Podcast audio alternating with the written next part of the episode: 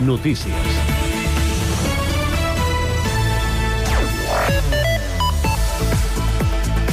Salutacions, any nou i actualitat que no s'atura. La situació econòmica de l'Ajuntament, el futur de l'Escola Mirada i els reptes esportius del júnior d'hoquei herba femení del DSB Club Voleibol Sant Cuat han marcat els titulars durant el 2023 i ho seguiran fent aquest 2024. Quad Media fa un recull d'alguns dels temes que previsiblement seran notícia durant l'any que tot just ara comença. Compte enrere per l'arribada de ses majestats a Sant Cuat. Mentrestant, les activitats nadalenques continuen concentrades al centre de la ciutat. Són propostes majoritàriament infantils, on destaca la cita amb els ambaixadors reials a les 3 de la tarda al claustre del monestir aquest eh, dimarts i la resta d'activitats estaran protagonitzades pel còmic, els tions, el cinema, un escape room, Nadales i molta música. L'atleta de Vacarisses, José García, i la sanquatenca Elisa Melili han guanyat la tercera edició de la cursa al gai organitzada pel Club Muntanyenc Sant Cuat i l'Ajuntament. García ha completat el recorregut de 5 quilòmetres amb un registre de 15 minuts i 34 segons, mentre que Melili ha finalitzat el traçat amb una marca de 17 minuts i 23 segons. Més de 1.000 participants han gaudit d'aquest darrer acte esportiu a Sant Cuat, en un ambient festiu, amenitzat pels bastoners i geganters que també han disputat la cursa. Les dones de la Fundació Salut Plus han obert la cursa en cadira de rodes i han completat el recorregut davant la gran ovació del públic assistent. L'entrega de premis ha tancat una cursa que continua incrementant el nombre de participants any rere any. El DSB Club Voleibol Sant Cugat ha guanyat quatre medalles d'or i una de bronze a la Copa d'Espanya disputada a Valladolid i Guadalajara. El cadet A, el juvenil C i G i l'infantil A s'han imposat a les seves categories i han finalitzat invictes la seva participació a la competició. El cadet T ha assolit la medalla de bronze i només ha perdut un partit a les semifinals. Aquests són els millors resultats del Club Sant Cuatenc en aquesta competició que ha reunit 5.670 jugadores i 405 equips en un dels esdeveniments més destacats del vòlei estatal. I les jugadores del júnior d'hoquei herba, Laia Vidosa i Júlia Strapato, disputen amb la selecció espanyola el preolímpic de València del 13 al 21 de gener amb l'objectiu d'aconseguir el bitllet per als Jocs Olímpics de París 2024. La competició atorga tres places per a la cita olímpica i aquest és el primer gran torneig per al nou seleccionador espanyol Carlos García Cuenca. El comitat espanyol s'enfrontarà amb Malàisia, Gran Bretanya i Canadà. Fins aquí la informació. Recordin que es poden seguir al Twitter, al Facebook, a qua.cat i en els diferents butlletins horaris. Cugat Mèdia, la informació de referència a Sant Cugat.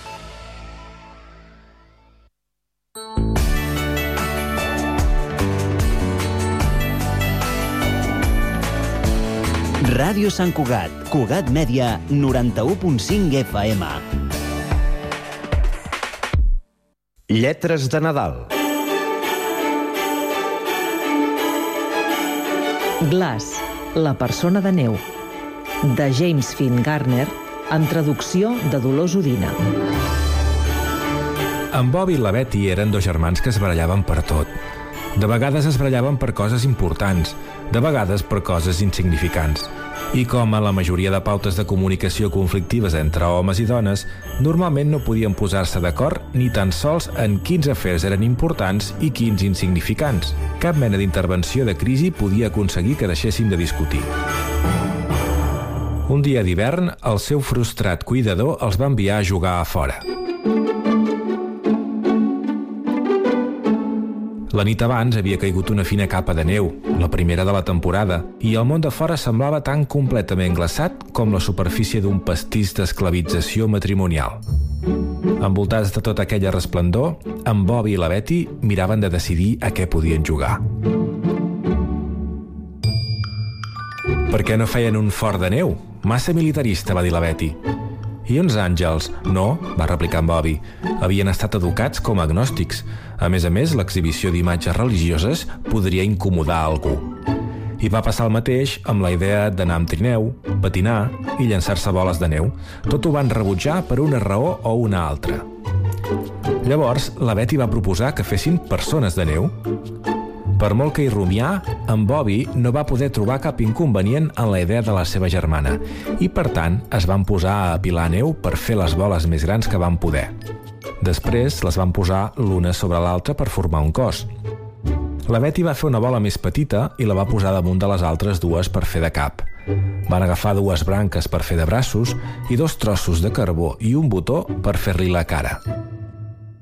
En Bobby volia posar-li una pipa de panotxa a la boca, però la Betty no hi va estar d'acord perquè deia que el missatge que transmetia podia ferir els nens més impressionables del barri.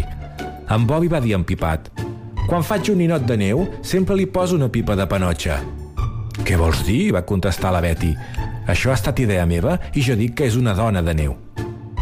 «Però si té forma d'home», va dir en Bobby.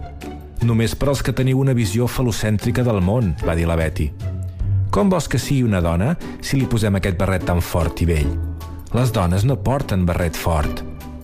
Ah, no? I Marlene Dietrich què? O Madonna? I així van continuar, sense que cap dels dos cedís ni una mil·lèsima, amb la figura de neu allà dreta com a testimoni silenciós. Malhumorat, en Bobby va decidir demostrar a la seva germana que no hi havia cap dubte que l'individu de neu era de gènere masculí i li van taforar el barret al cap.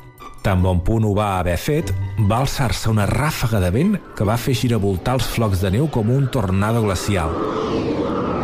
Llavors, tan sobtadament com havia començat, el vent va parar. En Bob i la Betty es van treure la neu dels ulls. Estaven a punt de tornar a començar la discussió quan una veu innocent va preguntar «Per què us baralleu?» Els germans van callar i es van girar cap al lloc d'on venia la veu. Allà, just al lloc on havien construït la figura glacial, hi havia una criatura de neu que respirava i s'expressava perfectament. Van quedar bocabadats contemplant aquella meravella. Trobo que és una discussió ben ximple, va continuar, sobretot quan us heu oblidat de dotar-me de cap dels atributs físics essencials. La Betty va recuperar el capteniment a l'acte. M'és igual que hagis nascut només fa un instant, va dir. Com pot ser tan innocent de pensar que el gènere d'una persona està determinat pels seus atributs corporals? Es tracta principalment d'una qüestió cultural. Ja que ets tan primirada, va replicar la persona acabada d'arribar. Podries dir-me per què m'has assignat un gènere sense preguntar-me primer quines eren les meves preferències? La Betty, conscient de la seva manca de sensibilitat, es va enrojolar. I doncs, què preferiries ser? va preguntar en Bobby. Veient la manera que teniu de comunicar-vos, ni l'un ni l'altre. Em sembla que m'agradaria que em consideréssiu una persona de neu. I com t'agradaria dir-te? va preguntar la Betty mirant de fer farina plana. Per fer un comentari postmodern sobre les idees preconcebudes de la societat en general, triaré el nom més obvi possible. Podeu dir-me Glass.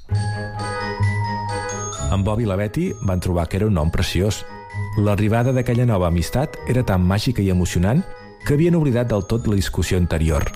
Glass i els dos preadults van ballar, jugar i riure plegats durant hores sense que els germans s'intercanviessin cap mala paraula. El sol s'anava elevant pel cel i les criatures continuaven corrent i jugant, però Glass va començar a tenir una sensació d'humitat i de pesantor. La persona de neu no va trigar a tenir dificultats per estar al nivell dels preadults. Què tens, Glass? van preguntar-li preocupats. Oh, fa tanta calor, va dir. Jo no sóc de carn i ossos com vosaltres. Si la temperatura continua pujant, no quedarà res de mi. La Terra s'està escalfant per culpa de la disminució de la capa d'ozó, va dir en Bobby amb objectivitat. Ens ho van ensenyar a l'escola Montessori. La capa d'ozó, va repetir en Glass. No sé què és, però si no fem alguna cosa ràpid, em convertiré en un vessal d'aigua. Què us sembla una marxa fins a Washington, va suggerir la Betty. Sí, això és el que hem de fer, va dir el seu germà. Però ens hem d'afanyar, va dir Glass. Si els que fem la marxa són molts, el govern haurà d'actuar. Glass va recórrer el barri mobilitzant la resta de ciutadans de neu. Els jardins del darrere del davant, els aparcaments i els parcs, persones de neu de tota forma i mesures van sentir el pla de Glass. La màgia del barret fort i la passió del seu discurs els va convèncer a tots d'alliberar-se de les cadenes gèlides de la passivitat i prendre mesures per garantir la seva supervivència. Ben aviat, el carisma de Glass havia aconseguit congregar una gernació considerable disposada a transmetre la seva queixa al govern. En Bob i la Betty també hi van contribuir. Acompanyats del gos Piga i del gat Pelussa, van disposar-se a unir-se a la marxa. Després van anar a buscar els seus amics Amon i Fàtima, Hoshi i Xinhua, Shadraj i Luminària, i la seva amiga Heather, que hi anava amb les dues mares que tenia, i tots junts es van afegir a la marxa de les persones de neu. Glass es va posar al capdavant de la marxa alçant un pal d'escombra. D'altres duien rètols amb missatges com ara «Si no hi ha ozó no hi ha neu» o «No ens faran fondre». I de camí a Washington s'hi van afegir altres simpatitzants, tant de neu com de carn i ossos. Glass i els seus amics també van aconseguir l'atenció dels mitjans de comunicació, perquè la visió d'aquelles persones de neu d'ulls foscos, que semblaven personatge de Rubens, eren un bon espectacle pels equips de filmació. Ben aviat, els manifestants van arribar a l'avinguda del Capitoli, on estaven decidits a acampar fins que el president s'avingués a rebre'ls i escoltar les seves queixes. Allà, on s'havien reunit els manifestants de gel, L'avinguda semblava coberta per una catifa blanca esponjosa amb petits grups d'humans escampats com pedres de colors. Per desgràcia, el clima de Washington no era fred i moltes persones de neu començaven a sentir molta incomoditat. No va trigar gaire a córrer la notícia. El vicepresident havia accedit a parlar amb Glass a la televisió i fer un debat cara a cara sobre quines mesures havien de prendre per aturar el trencament de la capa d'ozó. Una onada d'excitació va recórrer els que acampaven a l'avinguda. Per fi es prendrien seriosament les seves reivindicacions. Poc després va arribar un equip de filmació que va preparar les cadires i els monitors i les càmeres. En Bob i la Betty estaven especialment emocionats per Glass, de qui a hores d'ara ja s'havien fet molt amics. De fet, des de l'arribada de Glass pràcticament no s'havien barallat. La Betty va posar el braç al coll d'en Glass i li va dir «Estic tan orgullosa de tu!» «Ai, gràcies», va dir Glass però encara no he fet res. Hauríeu d'estar orgullosos d'haver aplegat tantes persones, tant de neu com de carn i ossos, que volen treballar per protegir el medi ambient. Ara us demano que m'escolteu amb atenció. Si mai em passés res, confio que vosaltres dos sereu capaços de deixar de barallar-vos per liderar el moviment en el meu lloc. En Bob i la Betty li van prometre que farien el que podrien.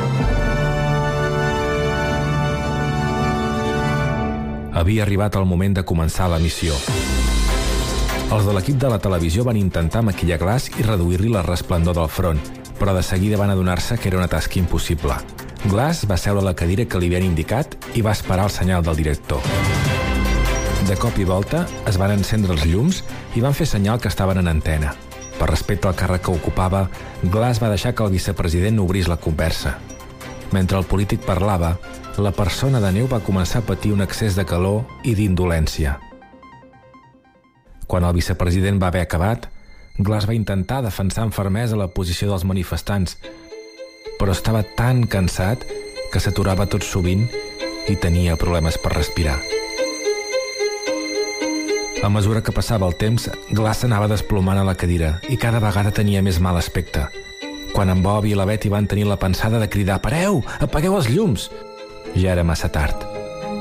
A la televisió nacional, sota la resplendor dels focus, Glass s'havia convertit en un vessal d'aigua neu.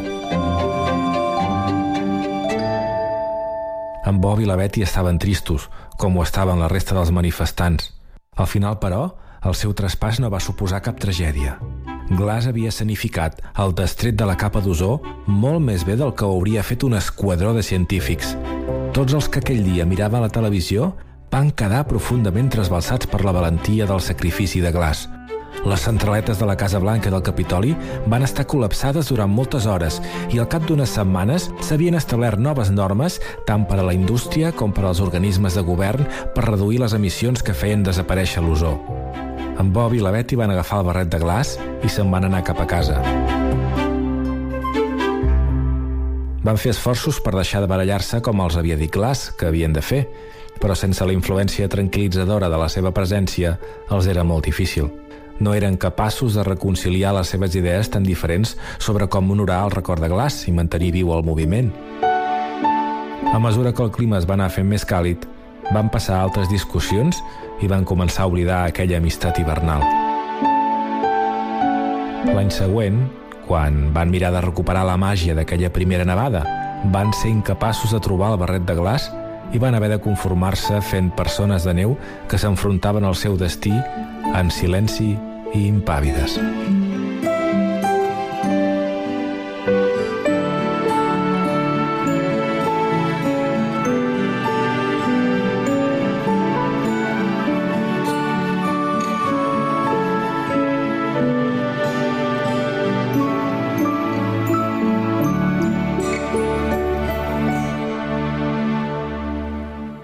Cap d'any.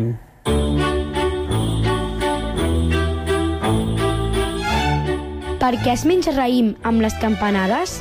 Un grup de joves és al carrer en plena nit i, de sobte, es posen a menjar raïm i fer-se petons i abraçades. No hi ha dubte, és la nit de cap d'any perquè així és com solem celebrar aquesta data. La tradició mana que es prenguin 12 grans de raïm coincidint amb les campanades que indiquen l'arribada d'un any nou. És una manera d'invocar la bona sort per als 12 mesos que acaben de començar. A diferents llocs del món, però, hi ha moltes altres tradicions per atreure la prosperitat. Prendre's una copa de xampany amb un anell d'or dins la copa o anar a peu coix sobre la cama esquerra per començar l'any recolzant el peu dret en són algunes de les més conegudes. Però no són les úniques i n'hi ha de molt curioses. A Itàlia es costum menjar moltes llenties perquè diuen que així seran més rics. A Dinamarca trenquen els plats que han fet servir i a les 12 en punt s'enfilen a una cadira i salten sobre els plats trencats. Els irlandesos agafen un pa de Nadal i amb ell colpegen tota la casa fins a l'últim racó. Hi ha costums, com veieu, per a tots els gustos. Fins a quina hora pot durar una festa de cap d'any?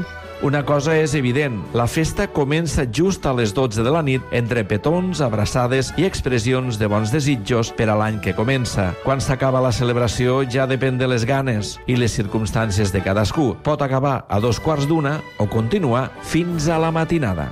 Cal fer serous propòsits per l'any nou?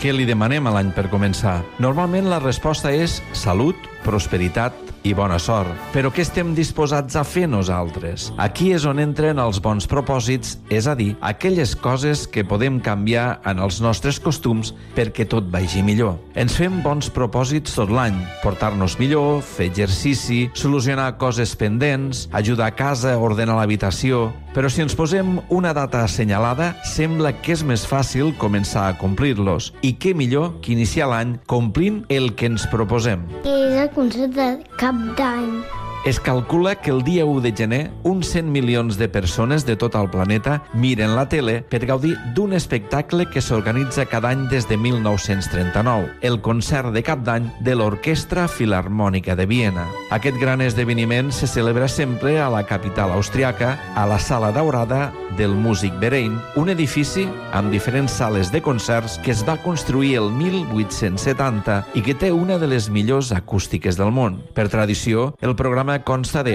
balsos, polques i marxes composades per membres de la família Strauss, una gran dinastia d'autors musicals del segle XIX. Per descomptat, hi ha una obra que no hi falta mai, el Danubi Blau, així com tampoc la marxa de Radetzky per concloure el concert amb el públic picant de mans al ritme que marca el director. Perquè l'espectacle sigui rodó, s'acompanya de peces de ballet que els ballarins porten a terme a les magnífiques sales de l'edifici decorades amb miles de flors. Seguint aquest exemple, altres ciutats organitzen també concerts de cap d'any. Barcelona, al Palau de la Música Catalana. Londres, al Barbican Center. Roma, al Coliseu. Berlín, a la Berliner Philharmonic. Una melòdica manera de començar l'any.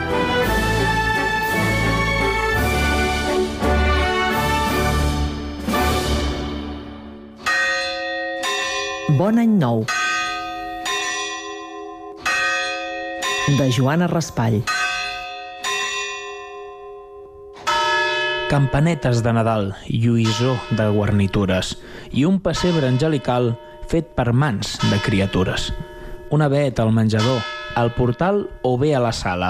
Un gran lot del bo i millor damunt del bufet s'instal·la. Mentre es comeja el xampany a les copes dringadisses, ens desitgem un bon any i unes festes ben felices. Els Reis.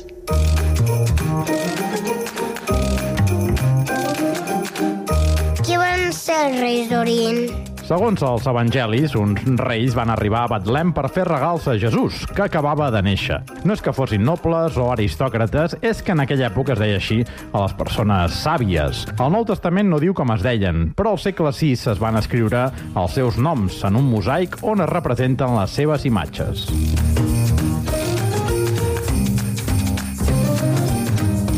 Quins països van arribar a Betlem?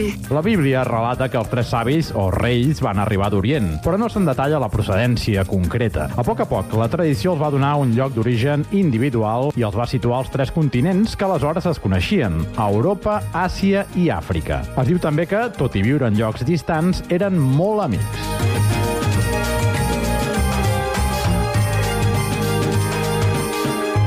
I què li van regalar al nen Jesús? Avui dia els nens solen escriure una carta als reis, on els demanen joguines, jocs de construcció, bicicletes, nines... La llista pot ser molt llarga. Però els reis d'Orient que van anar a Betlem eren persones sàvies, estudiosos, que van pensar molt bé què havien de portar. Després de meditar-ho bé, van triar tres regals simbòlics. Or, perquè havien llegit que Jesús seria rei, encens, que reconeixia el nadó com a Déu, perquè era una resina que es cremava als altars, i mirra, que es feia servir als enterraments i simbolitzava simbolitzava la humanitat de Jesús.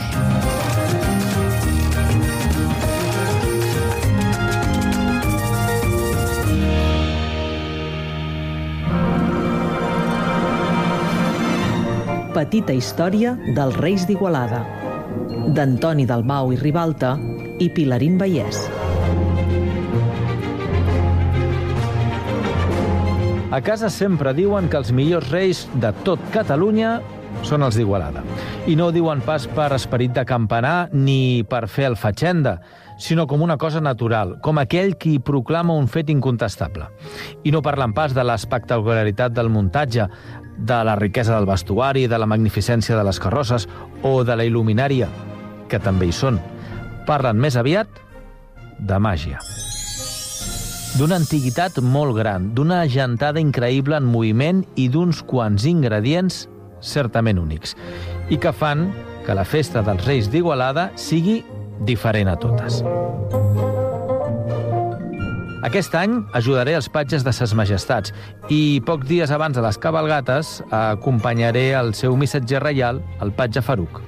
Ja fa temps que ho espero, perquè de fet els meus germans grans, el Tomeu i la Immaculada, ja ho van fer. Jo me n'emporto uns quants d'anys de diferència.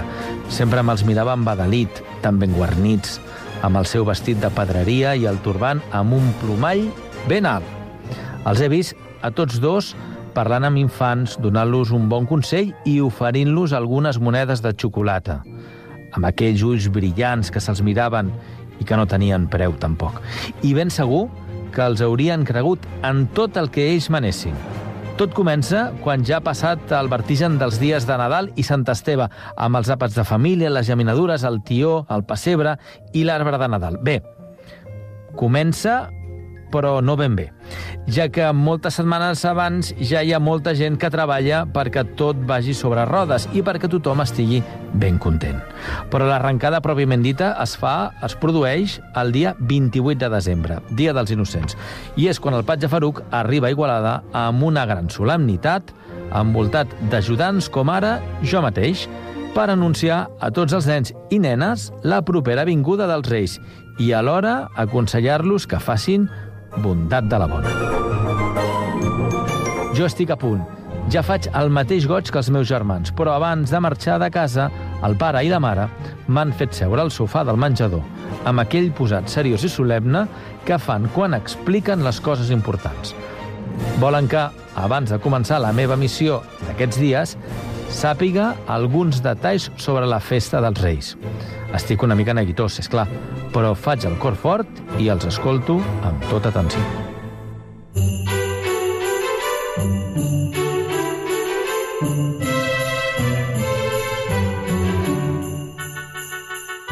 La notícia més antiga de la festa dels Reis d'Igualada es remunta a l'any 1895, amb el repartiment de joguines als nens i nenes pobres i la primera crida i cavalcada van fer-se quatre anys després, al 1899. És, doncs, de les més antigues que existeixen. La primera crida arrencava d'aquesta manera. L'anunci dels Reis atent crida avui a la matinada per dir-li que els Reis d'Orient passaran per Igualada. Segons els meus pares, va ser una iniciativa promoguda des de l'Església Igualadina per rememorar l'homenatge que uns mags o savis de l'Orient, guiats per una estrella que resplendia dalt del cel, van fer a l'infant Jesús al portal de Betlem poc després del seu naixement a l'inici de la nostra era. Ben aviat, a Igualada, l'organització va recaure en el centre catòlic. Després de la guerra se'n va fer càrrec el Centro Nacional i des de fa molts anys correspon a una comissió que va constituir-se en fundació privada l'any 1999. Ha comptat sempre amb una gran col·laboració de persones anònimes i entregades, així com del mateix Ajuntament. És, de fet, un tret d'identitat local absolutament singular i els igualadins que han marxat de la ciutat per circumstàncies de vida mai no deixen de portar-hi els seus fills i els seus nets, perquè sens dubte és un dels vincles més sòlids i emotius que els mantenen lligats als seus orígens. Ja des dels inicis, els tres reis, un de blanc, un de ros i un de negre, arribaven a Igualada muntats dalt del cavall i presidits per una estrella lluminosa. Va ser a partir del 1962 quan van fer-ho en unes esplèndides carrosses que s'han anat renovant i que avui evoquen davant els ulls de tothom el Sol, els planetes i la Lluna, ja que els tres savis d'Orient, Melchior, Gaspar i Baltasar, eren astròlegs. Ells tres, magníficament vestits, són els protagonistes principals de la festa al capvespre de cada 5 de gener. I els acompanyen gairebé un miler de patges que s'encarreguen del repartiment de les joguines. Però abans d'aquesta nit de màgia han d'haver passat ja unes quantes coses importants, que són la preparació i l'anunci. D'aquestes coses, però, ja no cal que el pare i la mare me n'expliquen els detalls. Jo mateixa els recordo fil per randa de quan tenia la innocència d'un infant. Des de l'any 1943, els reis igualadins tenen un emissari, un missatger negre que els representa i que, com hem dit, convoca tots els infants al 28 de desembre, el dia que realment tot comença. Aquesta espècie d'ambaixador reial té un himne propi preciós que tots els igualadins coneixen des de ben petits i que sempre els emociona. És aquell que diu, entre altres coses, Benvingut, Patja Faruc, vostre pas per Igualada omple els cors de la mainada d'il·lusió i de gratitud. Vostra cara somrient, la bondat ens encomana, procedint la caravana dels tres reis d'Orients. El patge Faruc porta dos grans llibres, un de blanc i un de negre, on s'apuntaran els noms dels nens i nenes segons el seu comportament. Ells els recomanen que siguin bons minyons, ja que d'aquesta manera tots passaran al llibre blanc i a la nit del dia 5 ses majestats els portaran, sens dubte, molts regals. Els dies següents, el patge Faruc també parla per la ràdio i per la televisió, adreçant-se als infants en persona. Molt poc després, l'1 de gener, es fan cues a la Rambla perquè passada la rebella de Cap d'Any, les famílies igualadines porten la carta al patge Faruc i els seus ajudants, els qui s'encarregaran de fer-les arribar als Reis Mags. És un moment impressionant, aquest, perquè en aquella carta tan ben rumiada per tots els nens i nenes, entendrits pel tracte proper que reben pels patges, dipositen les seves esperances i els seus millors propòsits. Mentrestant, i entre altres obsequis, les famílies reben una auca amb els seus rodolins que renova cada any. I vet aquí que tot seguit s'engega una maquinària formidable que amb l'ajuda imprescindible dels pares dels infants farà realitat la preparació de més de 2.000 paquets. Uns paquets que després de ser acomboiats fins als corresponents camions i tràilers seran repartits el 5 de gener a cada casa.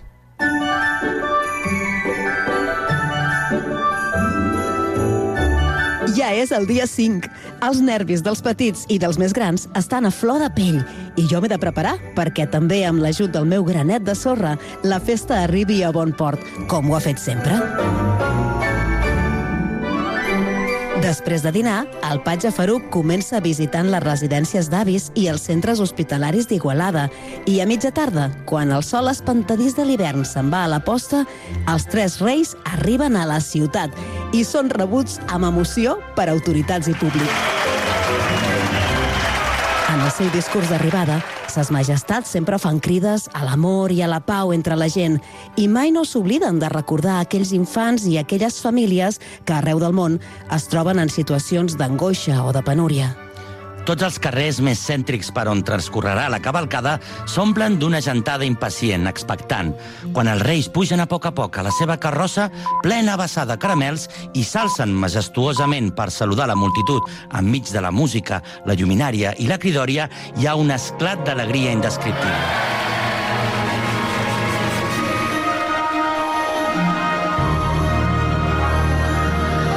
Tothom creu, llavors amb tota certesa, que la llarga espera i la impaciència de tants dies han valgut la pena. Ara mateix, fins i tot els més descreguts i els més escèptics, commoguts per l'esporneig que veuen en els ulls de la canalla, saben del cert que volen dir les dues paraules màgia i il·lusió que els seus llavis balbucegen. La cavalcada arrenca i fa camí, lentament, enmig de l'entusiasme popular, perquè ara la gent ja veu al lluny les carrosses i els camions que s'atansen i que guarden dintre les seves entranyes tresors insospitats. Els reis no donen a l'abast de repartir caramels i a saludar la gent enfervorida que els reclama de manera insistent. Al darrere hi ha una multitud de patges que, sense perdre el temps, comencen a portar els paquets a les cases dels carrers propers al recorregut on tothom ja els espera. A les cases que tenen les finestres i els balcons més baixos es disposen llargues escales de fusta pintades de colors ben vius, per les quals pugen els patges carregats de meravelles. Així doncs, a les llars igualadines no calen sabatilles al mig del menjador ni a l'ampit de la finestra. No cal tampoc que la canalla passi una nit llarga d'espera irresistible.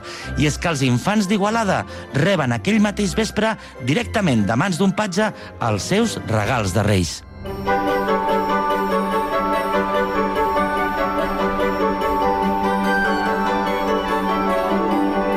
Mi m'ha tocat ajudar els altres patges a portar paquets als pisos més alts.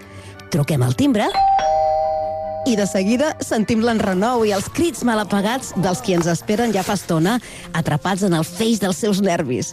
I al mig del menjador o de la sala d'estar, el primer que veiem són, una altra vegada, uns ulls infantils que s'entallegen i ens observen fascinats. A vegades, primer que res, els nens i nenes ens canten alguna cançó o ens reciten la dècima que han après a l'escola abans de les vacances de Nadal i es mostren disposats a conversar amb nosaltres sobre aquelles coses que se'ls fan més difícils de complir. Avenir-se amb els germans, creure els pares, compartir des a les joguines eh, i tenir cura de les seves coses, ser nets i polits... En fi, ja se sap, el pa de cada dia. Nosaltres simplement els encoratgem a mirar de ser millors. I tot seguit comença el desfici de rebre i obrir els paquets, de fer crits d'entusiasme, d'emocionar-se davant la generositat del que reben. És tot allò, o gairebé tot, el que somiaven. I allí els deixem absorts, pares i fills, en la materialització d'aquella il·lusió que des de fa tants dies covaven dintre seu. I ja està, correm-hi tots, que moltes altres cases esperen amb idèntica impaciència la nostra visita.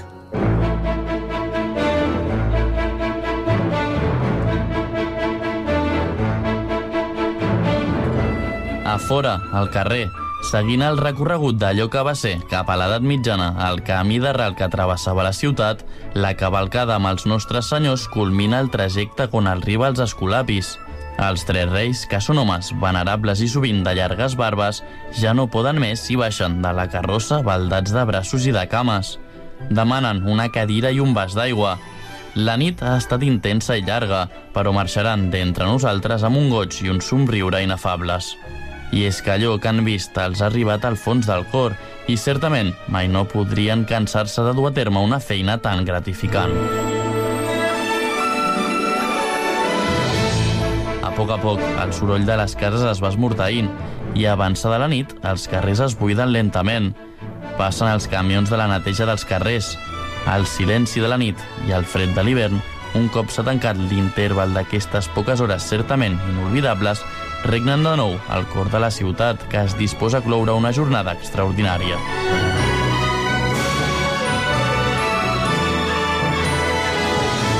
A molts, petits i grans, reis i patges, organitzadors i col·laboradors ens costarà de dormir aquesta nit.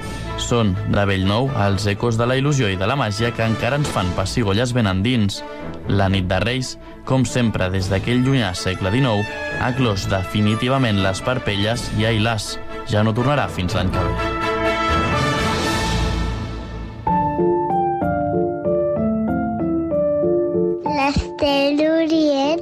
Quina mena d'estel era? Diu la Bíblia, i recull la tradició, que un estel va guiar els reis des dels seus països llunyans fins a Betlem. Aquest estel es representa amb una cua llarga, de manera que potser es tractaria d'un cometa o un estel fugaç.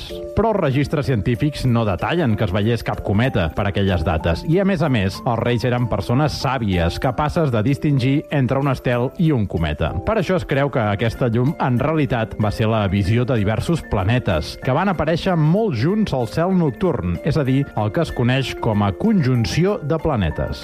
Si Jesús acabava de néixer, qui va fer la carta als Reis? Els reis saben el que la gent vol i necessita. Per això els nadons reben regals, igual que algunes persones grans que no escriuen la carta. De totes maneres, els encanta rebre cartes, ja que els agrada llegir els nostres missatges i saber que valorem la seva feina. Així doncs, hem d'escriure una carta als reis cada any per fer-los feliços, ja que fan molt per a nosaltres. Si es donen les cartes al patge reial, arriben més de pressa? Totes les missives que s'envien per correu arriben puntuals a ses majestats, però hi ha nens que esperen fins a l'últim moment i tenen por que la carta no arribi a temps. En aquests casos, donar-la a un patge reial o fins i tot a un dels reis en persona és una excel·lent opció per agilitzar el procés. Què és el tortell de Reis? Són unes postres típiques del dia de Reis. És un dolç fet amb una massa semblant al brioix, que de vegades es farceix de massapà. Dins de la massa s'hi amaguen una figureta i una fava seca. Qui troba la figureta esdevé el rei de la casa, i qui troba la fava, tradicionalment, ha de pagar el tortell.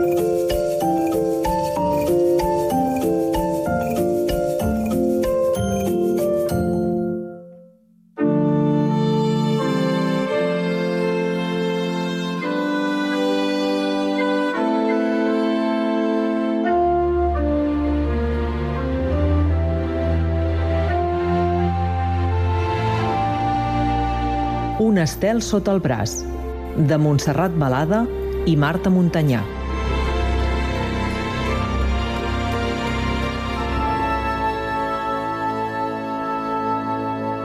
Ara fa molts i molts anys van néixer tres nenes amb un estel sota el braç. L'Ona va néixer amb un estel blau, que pertanyia als cels d'Europa. La Citar va néixer amb un estel verd, que pertanyia als cels de l'Orient Mitjà. L'estel de foc va néixer amb un estel vermell, que pertanyia als cels de l'Àfrica. Per tot el món va córrer la notícia d'aquell naixement tan curiós. Molts els deien que se n'havien de desfer si volien ser normals, però elles van decidir viure amb els seus estels encara que fossin diferents.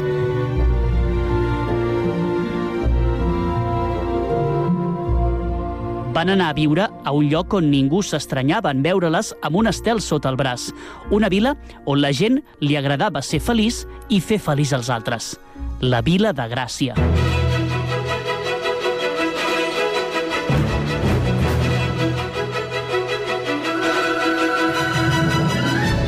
I allà les tres nenes es van fer grans, això sí, sempre amb els seus estels sota el braç. Jugaven amb ells, estudiaven amb ells, passejaven amb ells i dormien amb ells. I encara que gaudien molt d'ells, sempre es feien la mateixa pregunta. Per què hem nascut amb un estel sota el braç? Però mai trobaven resposta a aquell misteri tan misteriós. L'estel blau va ensenyar a l'Ona tots els misteris de l'univers, a saber reconèixer tots els camins i les rutes ocultes entre els planetes, la passió per la tecnologia i els invents, i la va convertir en una gran astròloga. L'estel verd va ensenyar a citar la passió per totes les arts, sobretot el llenguatge de la música. També li va ensenyar a llegir en tots els idiomes del món, fins i tot el de les sirenes. L'estel vermell va ensenyar l'estel de foc a parlar amb la natura i a protegir-la.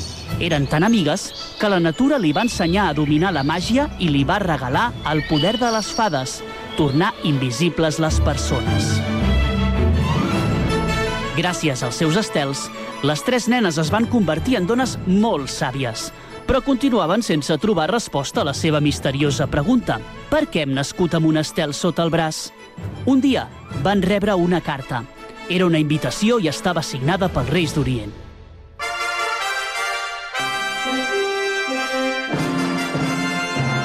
Es requereix la presència de les sàvies, ones, citar i estel de foc a la trobada de la il·lusió que, com cada any, se celebrarà al planeta dels somnis. Atentament, Melcior, Gaspar i Baltasar.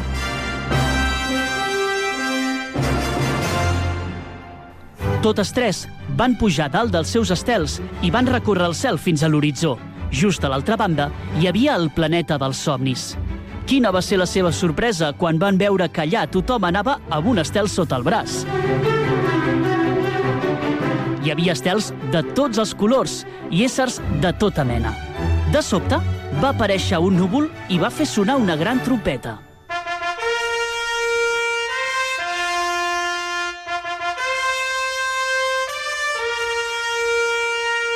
El núvol va dir Ses majestats, els tres reis d'Orient, Mació, Gaspar i Baltasar, us rebran d'aquí 5 minuts, com sempre, dalt de l'Arc de Sant Martí.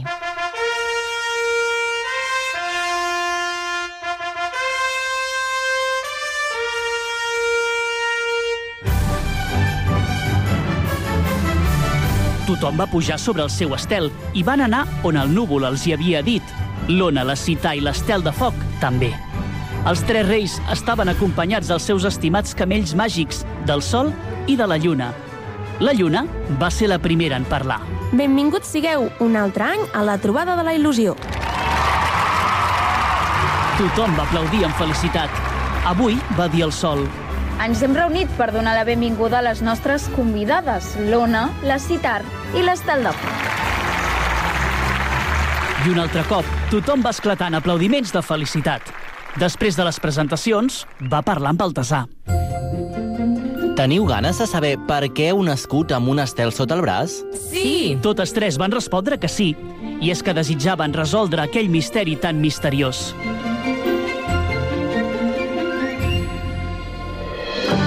Els tres reis d'Orient els van explicar una meravellosa història.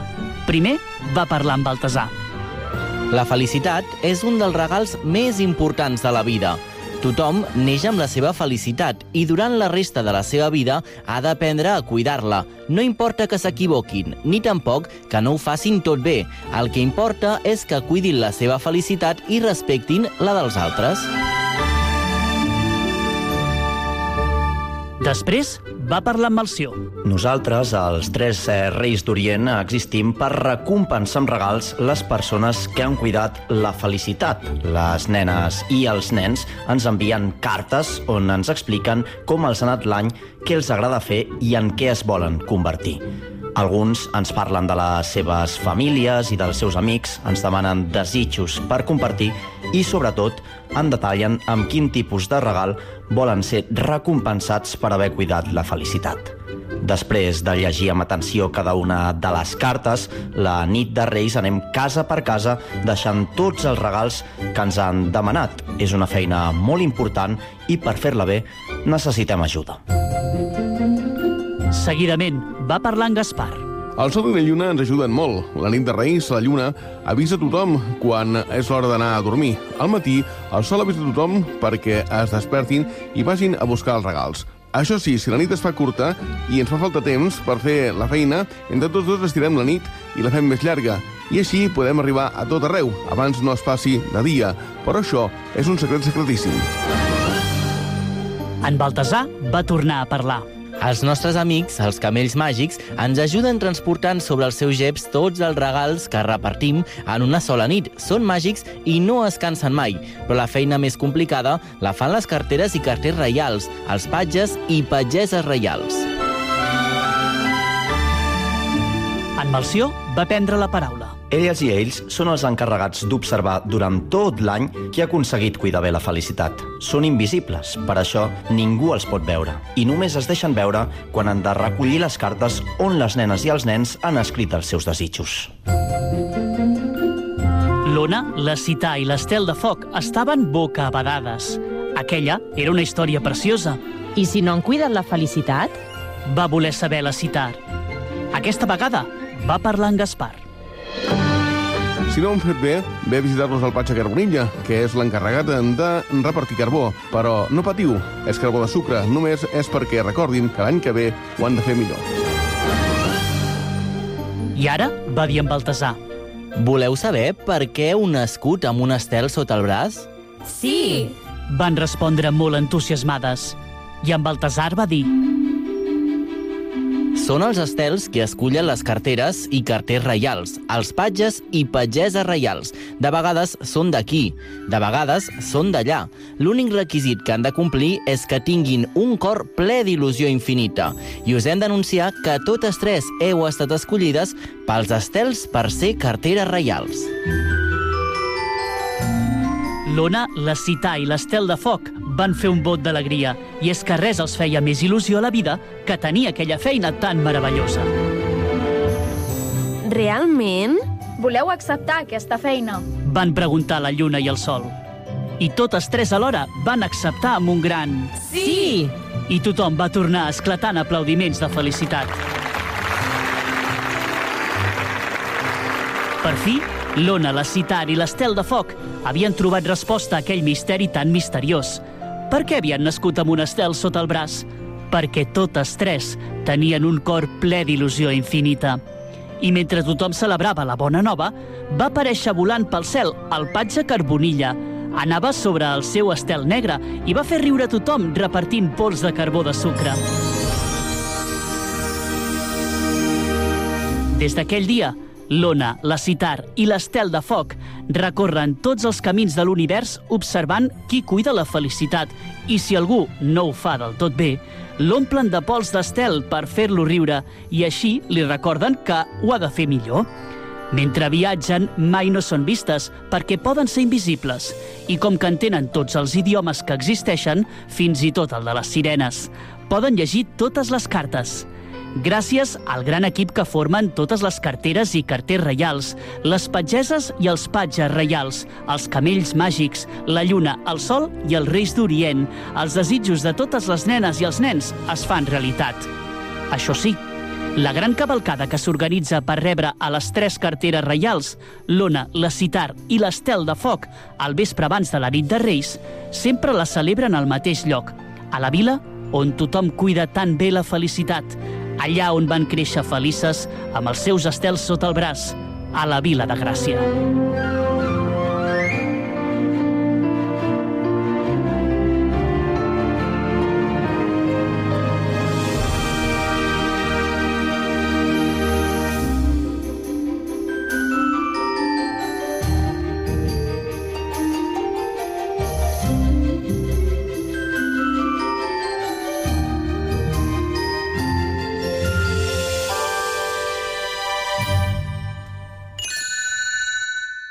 Lletres de Nadal.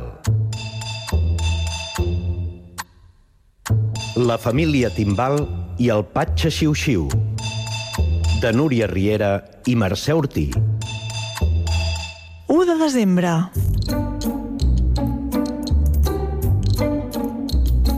L'àvia Caterina, quan s'acosta al fred, sempre va a visitar el seu amic Nicolau. En Nicolau és un home gran i fort que viu enmig d'un bosc. L'àvia Caterina diu que el coneix des que era una nena i sempre el recorda igual, amb la barba blanca i tallant figuretes de fusta per regalar als nens i nenes. Aquesta vegada, però, l'àvia Caterina es troba amb que en Nicolau no està sol. Està prenent una xocolata calenta amb un convidat molt especial, el patge Xiu-Xiu. Fins i tot l'àvia, que està acostumada a les situacions més al·lucinants, es queda de pedra al veure'l. Tant que a l'anar a saludar-lo, sense voler, li aboca la tassa de xocolata calenta per damunt. Oh no! El vestit de patge reial està tot tacat de xocolata! Això sí que és un inconvenient. Diu en Xiu-Xiu. No tinc temps d'anar a Orient a buscar un altre vestit de gala com aquest. El Nadal és a tocar. En Nicolau s'ofereix a donar-li un vestit vermell dels seus, però quan el patge se l'emprova, li sobra vestit per tot arreu. Intenten netejar el vestit del patge amb un drap amb aigua, amb alcohol amb aigua de flors, però no hi ha manera. La xocolata no surt. La xocolata és molt bona, però també és molt tossuda. Diu en Xiu-Xiu. Tinc una idea. Ja sé què podem fer. Diu l'àvia Caterina acariciant-se la barbeta. Vindràs a casa meva i et farem un vestit nou. Acaba dient l'àvia Caterina. Però saps cosir un vestit d'aquests? Jo no, però el dia 13 de desembre és la festa de les modistes de Terrassa. Segur que aleshores en trobem alguna que pugui fer-te un vestit nou. Elles en saben un munt de cosir. Això sí, t'hauràs d'amagar, perquè si els nens i nenes de Terrassa et veuen, no podràs fer la teva feina. Vinga, anem! 2 de desembre. En Xiu-Xiu, vestit amb un xandall que li ha deixat en Nicolau, arriba a Terrassa d'incògnit i coneix la família de l'àvia Caterina, la família Timbal. Des dels seus amagatalls, darrere una planta, damunt d'un armari, sota el llit, l'única que s'ha adonat de la presència d'en Xiu-Xiu a casa dels Timbal és la Xiula. Quan el veu amagat, pensa que vol jugar amb ella i li llepa tota la cara i li fa moixaines.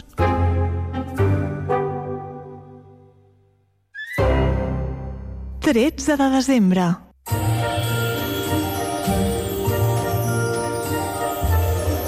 Carrers de Terrassa estan ja il·luminats per centenars de llumetes que pengen de les parets i balcons de la ciutat. La plaça Vella ja llueix amb la Fira de Santa Llúcia, plena de paradetes, on l'Emma i en Martí s'acosten a mirar les figuretes del pessebre. La Xiula també vol mirar, però tot i que s'enfila, no hi arriba i acaba olorant la molsa i els testos on hi ha plantats els arbres de Nadal. L'àvia Caterina està despistada buscant algú. Ja les he trobat. Un grup de senyores que brinden. Són les antigues cosidores de Rades de Terrassa. Són les modistes. L'àvia Caterina li fa un senyal amb el cap al patge xiu-xiu. Problema solucionat. Elles faran el vestit nou del patge. –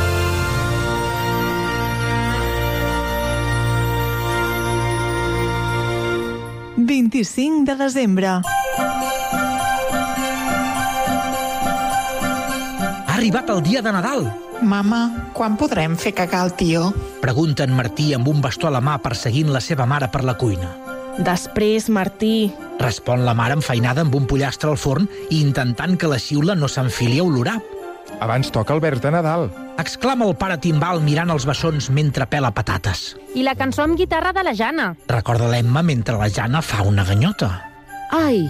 Crida l'àvia Caterina després que en Xiu-Xiu li recorda el més important. Avui, sobretot, sobretot, hem de fer la carta als Reis d'Orient, que demà arriba a Terrassa el patge xiu-xiu. 26 de desembre.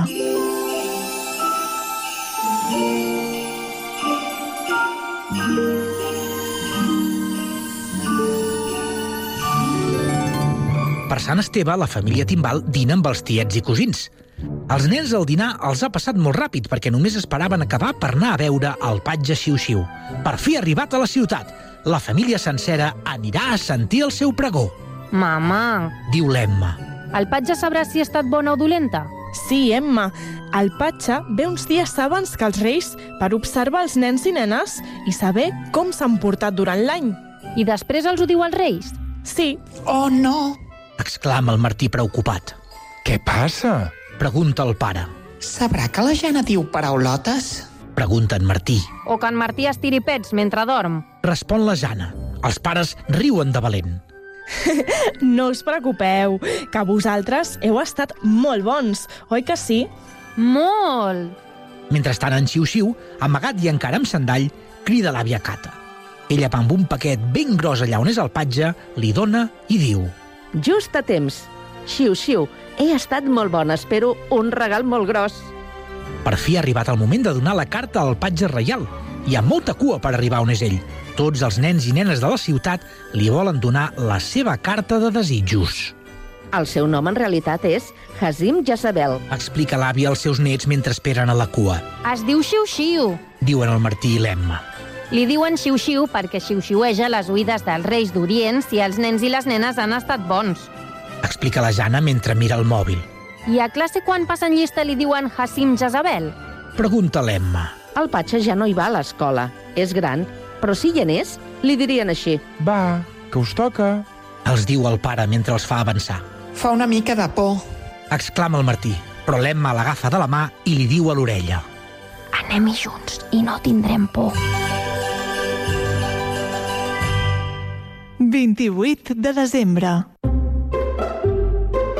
Emma, Martí, Jana, correu, veniu! Hi ha una vaca a la nevera. Crida el pare de bon matí. Tots tres van corrent a la cuina esperant veure una vaca dins la nevera i quan arriben es troben el pare amb una llufa per cadascú. Innocents! Els diu... Ara us toca portar la llufa a l'esquena tot el dia. No m'agrada gens aquest dia. Rondina la Jana mentre marxa de la cuina.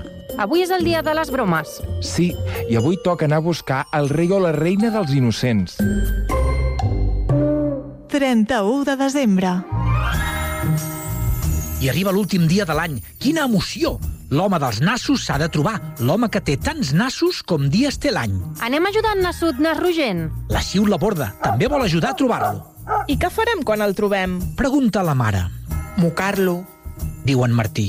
Amb tants nassos deu tenir molts mocs. Jo li tibaré el nas. Diu l'Emma. Però quants nassos creieu que té l'home dels nassos? Pregunta la Jana divertida. I els nens intenten comptar amb els dits. 5 de gener. La família Timbal es desperta ben d'hora i ben revolucionada. Aquesta nit venen els Reis. A mitja tarda, tot i que ja és fosc, la família al complet van al seu lloc de sempre, a un dels carrers de vianants del centre de Terrassa, esperant veure els Reis d'Orient. Només hi falta la Siula, que amb tanta gent s'atabalaria i es queda a casa fent companyia al tió. Ja venen! Són màgics i llencen milions de carmels. Jo preferiria que llancessin xocolata. Diu la mare tota múrria. I arriba el torn del carruatge del patge Xiu-Xiu. Els nens i les nenes que encara no han donat la carta encara poden fer-ho.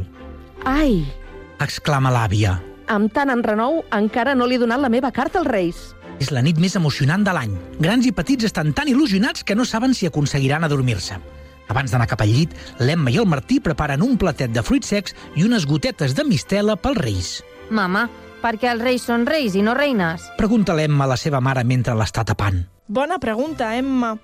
Crec que a les reines els agrada més treballar d'incògnit, però treballen tant com els reis per fer aquesta nit màgica. Doncs aleshores s'haurien de dir reis i reines d'Orient. Exclama el Martí. Uh -huh, ja estic d'acord. Diu la Jana rient. Vinga a dormir, que demà serà un gran dia.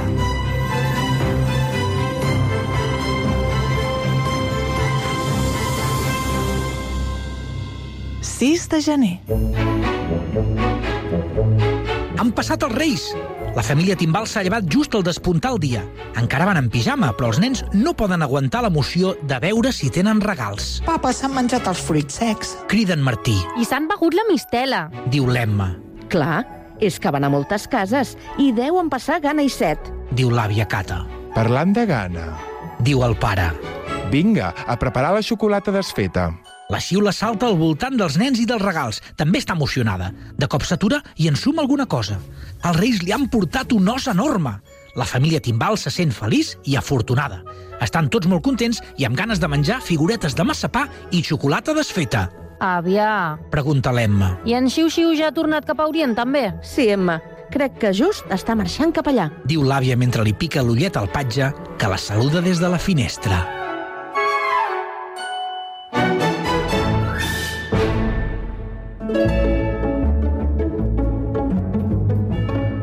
Ha llocs on no se celebra el Nadal? Nadal és una festa cristiana. Per això, als països on aquesta religió no és majoritària, és normal que no s'hi organitzin festes. No obstant això, el cristianisme ha tingut una gran influència en el món, de manera que fins i tot, a llocs on no es practica, poden celebrar el Nadal. Hem de portar-nos millor per Nadal? Per descomptat, cal portar-se bé tot l'any, no només durant el Nadal. Ara bé, aquestes festes tan especials ens animen a portar-nos millor. La rutina es trenca, hi ha vacances, se solen fer regals i molta gent està de bon humor. Per què no aprofitem per ser millors persones? La gent està més contenta per Nadal? A moltes persones els agrada aquesta època de l'any i l'esperen amb alegria. Els encanta reunir-se amb la família, gaudeixen fent i rebent regals, senten que és un temps de reflexió i d'esperança. N'hi ha d'altres, però, que es posen més aviat tristes si, per exemple, troben a faltar un amic o un familiar molt estimat o no tenen en qui compartir les festes. Per què es desitgen bones festes?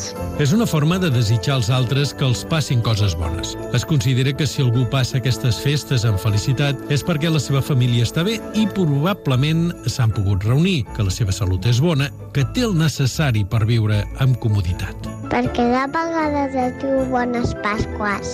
A la primavera, els catòlics celebren la Pasqua, que forma part de la Setmana Santa, però el mot Pasques també fa referència a les festes de Nadal, que van des del 25 de desembre fins al 6 de gener. Així doncs, dir Bones Pasques és el mateix que desitjar Bon Nadal.